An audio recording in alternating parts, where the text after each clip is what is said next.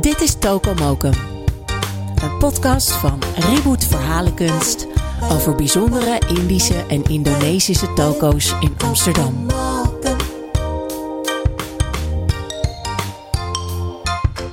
Aflevering 4: Stick Up Indo Food. Mijn naam is Elsbeth Vernout.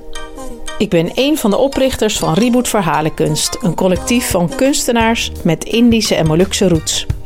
Ik werk als theatermaakster en ben opgegroeid met Nederlands en Indisch eten. De Indo's en Molukkers die na de Indonesische onafhankelijkheid naar Nederland kwamen, voelden de heimwee misschien nog wel het sterkst in de keuken.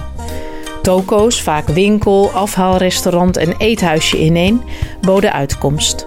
De eerste werden in Nederland in de jaren 50 geopend. Ik ben voor deze podcast op zoek gegaan naar de mooiste verhalen achter de Indische en Indonesische toko's in Amsterdam. Ik sta hier vlakbij het uh, mekka van Stick Up Indo Food hier in Diemen. Een vestiging waar ja, wordt gekookt. Een grote keuken, overal kruiden. Twee dames zijn druk bezig. Wat zijn ze aan het maken, Chris? We zijn dus nu uh, druk bezig om de avond voor te bereiden. De bestellingen die uh, stromen nu ook al binnen. Dus de dames die gaan nu eigenlijk alles wat uh, vandaag vers gekookt is klaarmaken om zo dadelijk uh, in maaltijdvorm voor te scheppen. Altijd zoals gewoonlijk de nasi rames. Dat is echt de hardloper met saté. Rijsttafels gaan altijd heel hard. De vegetarische maaltijden ook. Dus ja, eigenlijk heel divers. Er gaat alweer de telefoon voor een bestelling, zoals je hoort. Moet je even opnemen? Nou, ach gelukkig wordt al geregeld, zie ik. Ja. ja, dat is jouw zus Nadine die ja, rondrent. Ja, ja, die staat dan nu uh, voor de bestellingen inderdaad op te nemen. En vanavond uh, mag ik ook gewoon de bestellingen wegbrengen. Hou ik ook een beetje contact met uh, mijn vaste klanten. Vanuit een passie voor Indisch en Indonesisch eten komt in Amsterdam een nieuwe generatie toko's op. Zij doen het net even anders dan de traditionele Indonesische toko's. Geen uitgebreide vitrines meer, vol afhaalklassiekers, maar een broodje tempeh als lunch of een satay ayam to go.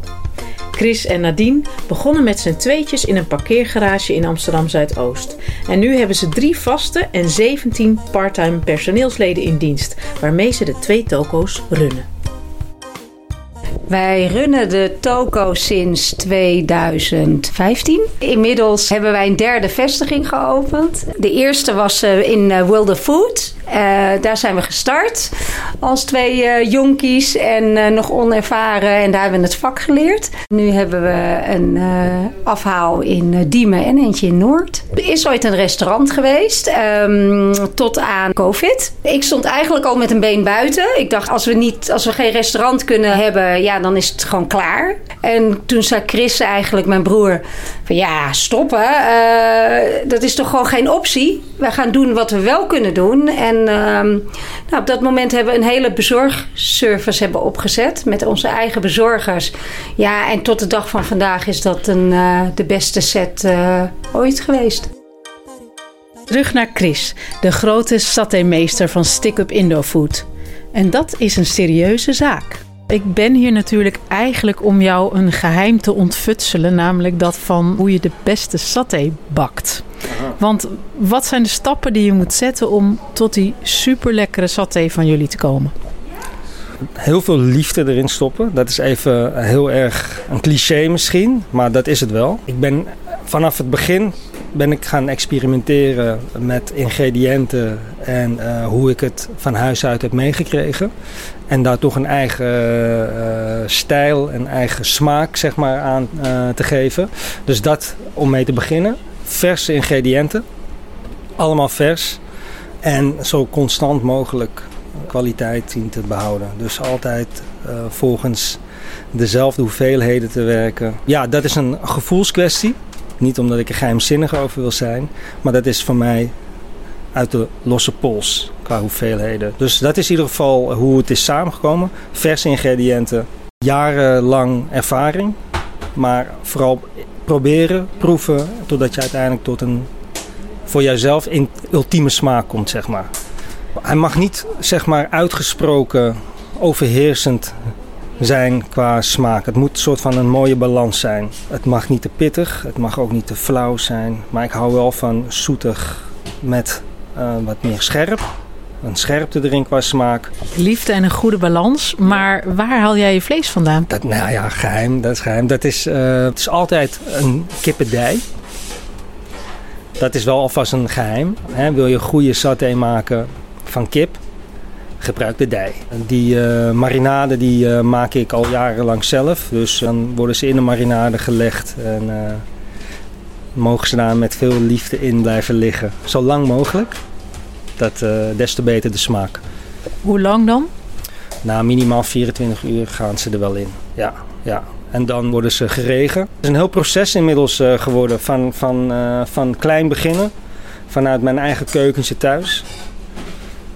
Uh, in tientallen werken. Nu denken we echt in uh, af en toe uh, aantallen van duizenden gewoon. Zo, zo, zo groot is het geworden inmiddels. Hoe diep je in de saté-materie kan duiken, bewijst Chris, die er een ware studie van heeft gemaakt. De grondbeginselen leerde hij van zijn ouders, maar daarna heeft hij de science van saté tot hogere kunst verheven. Hij ging zelfs op culinair onderzoek uit in Indonesië. Ik heb vanuit huis uh, uit natuurlijk vanuit de Indische cultuur heb ik al heel veel saté gegeten. Bij familie, de passars natuurlijk, thuis. En um, ja, dan sla je dat toch op, al die smaken. Hè? En uh, wat je wel en wat je niet lekker vindt. En op een gegeven moment, uh, toen Nadine en ik de plannen concreet werden voor Stick Up InnoFood, onze toko, moest saté op het menu komen te staan. Dus ik ben eigenlijk vanaf dat moment heel erg zelf in de science gedoken van de Indonesische saté, de ultieme saté. Ook gewoon veel gelezen. Ik ben naar Indonesië ben ik ook geweest. Ben ook op uh, bepaalde waaroms ben ik echt gaan kijken. En heb ik ook even gevraagd, mag ik, nou ja, zoals jij mij nu staat te bevragen, stond ik dat ook bij hun. En uh, ja, echt een beetje erin gedoken. Wat is nou, uh, wat is de goede saté? Weet je, wat is essentieel? En uh, ik ben vooral heel erg zelf aan de slag gegaan ermee. Dus ja, wie heeft het me geleerd? Het is gewoon een lang proces geweest. En ik heb eigenlijk mijn, het mezelf wel redelijk eigen gemaakt op een gegeven moment. Nou, het geheime ingrediënt van de marinade. Het geheime ingrediënt van de marinade. Oei, dat is een lastige, lastige vraag. Want er, gaan best wat uh, ingrediënten in. Het, zijn er, het is er niet één. Er gaan denk ik wel minimaal tien verschillende ingrediënten in. Misschien moet ik het daarbij laten. ik kan niet te veel prijs geven natuurlijk. Stick Up Indofood is een echt familiebedrijf, vertelt Nadine. Zijn je ouders nog steeds betrokken bij Stick Up Indofood? Enorm, enorm. Ik bel uh, dagelijks mijn vader uh, vanuit, de, vanuit de auto als ik terugweg, uh, op de terugweg naar huis om te vertellen hoe de dag is gegaan. En dan wil hij ook alles weten, vindt hij leuk. En vooral de persoonlijke verhalen en wie er allemaal gewerkt hebben, hoe was het team. En mijn moeder, die maakt sowieso af en toe nog onze papaus en andere snackjes voor ons. Is altijd bezig met, uh, met onze smaak. En die kijkt ook nog heel veel filmpjes over uh, hoe er in Indonesië wordt gekookt. En geeft ons dan ook die tips mee oudste voorwerp in de toko is het bordje Stick-up Indofood. Het houtsnijwerkje. Uh, en die hebben wij gekregen van onze ouders toen wij uh, onze toko startten in Wilder Food. Dat je je eigen naambordje hebt uh, met Stick-up Indofood. en die hangt nu nog steeds hier in de toko. Welk moment in de toko zal je nooit vergeten? Het moment dat we succesvoller werden, groter werden. En dat was wel het moment dat wij vanuit Wilder Food de stap maakte naar, uh, naar uh, Diemen. Van uh, 8 vierkante meter naar 100 vierkante meter gingen. Dat was wel echt een moment. Vanaf dat moment veranderde ook alles. Want toen konden we het ook niet meer met z'n drietjes doen. En het mooie daarvan is, is dat groot deel van de mensen die toen begonnen er nu nog steeds zijn. Ja, dus dat is het succes van, van ons bestaan. Ja. De onvermijdelijke toekomstvraag. Staan de opvolgers al te trappelen om het stick-up imperium over te nemen? Chris wil graag uitbreiden, maar Nadine heeft ook nog een andere droom voor de verre toekomst. Mijn uh, eerste uh, toekomstbeeld is dat wij ervoor zorgen dat we wat we nu hebben zo goed en efficiënt draaien En dan zien we de toekomst wel verder. En dan hebben we kinderen. En Chris heeft veel kinderen. Drie. En ik twee. En dan is het de taak dat we zorgen dat ze allemaal straks een toko hebben die goed draait. En willen de kinderen ook eh, later een toko? Uh, zeker. er wordt nu al ruzie gemaakt. Onderling na. wie, wat, uh, wie wat overneemt. En ik denk niet dat ze alle vijf dit gaan doen. Maar ik denk als het er al twee of drie zijn, dan mogen we wel heel blij zijn. Gaat Stick Up Indofood de hele stad overnemen? Ja. ja, en misschien gaat er wel eentje ook naar Indonesië.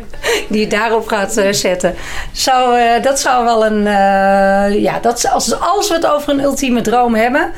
dan is dat hem wel. En ik denk dat Chris en ik die allebei delen. Dus laat dat er maar zijn. En jullie zitten dan als oudjes op een bankje daar zo ja. voor, te, voor de toko? Ik eerst. ik ben ietsjes ouder dan Chris. maar dat is, wel, uh, dat is wel wat we eigenlijk uiteindelijk willen. Stik op Indofood, een aanwinst in het toko-landschap van Mokum. Neem ook eens de pont achter Centraal Station en ga lekker lunchen of afhalen bij de kate van Chris en Nadine aan de Buiksloterweg 5 of ervaar de levendige sfeer in hun toko aan de Oud-Diemerlaan 15. Vergeet niet hun legendarische saté te bestellen met zoveel zorg en met oog voor details, bereid door Chris. En wil je meer weten over toko's in Amsterdam? Bezoek dan de expositie van Reboot Verhalenkunst Toko Mokum in het Amsterdam Museum aan de Amstel. Nog tot en met 28 januari 2024 te zien. Daar zie je onder andere een videoportret van Stick-Up Indofood. Dit is Toko Mokum. Een podcast van Reboot Verhalenkunst over bijzondere Indische en Indonesische toko's in Amsterdam.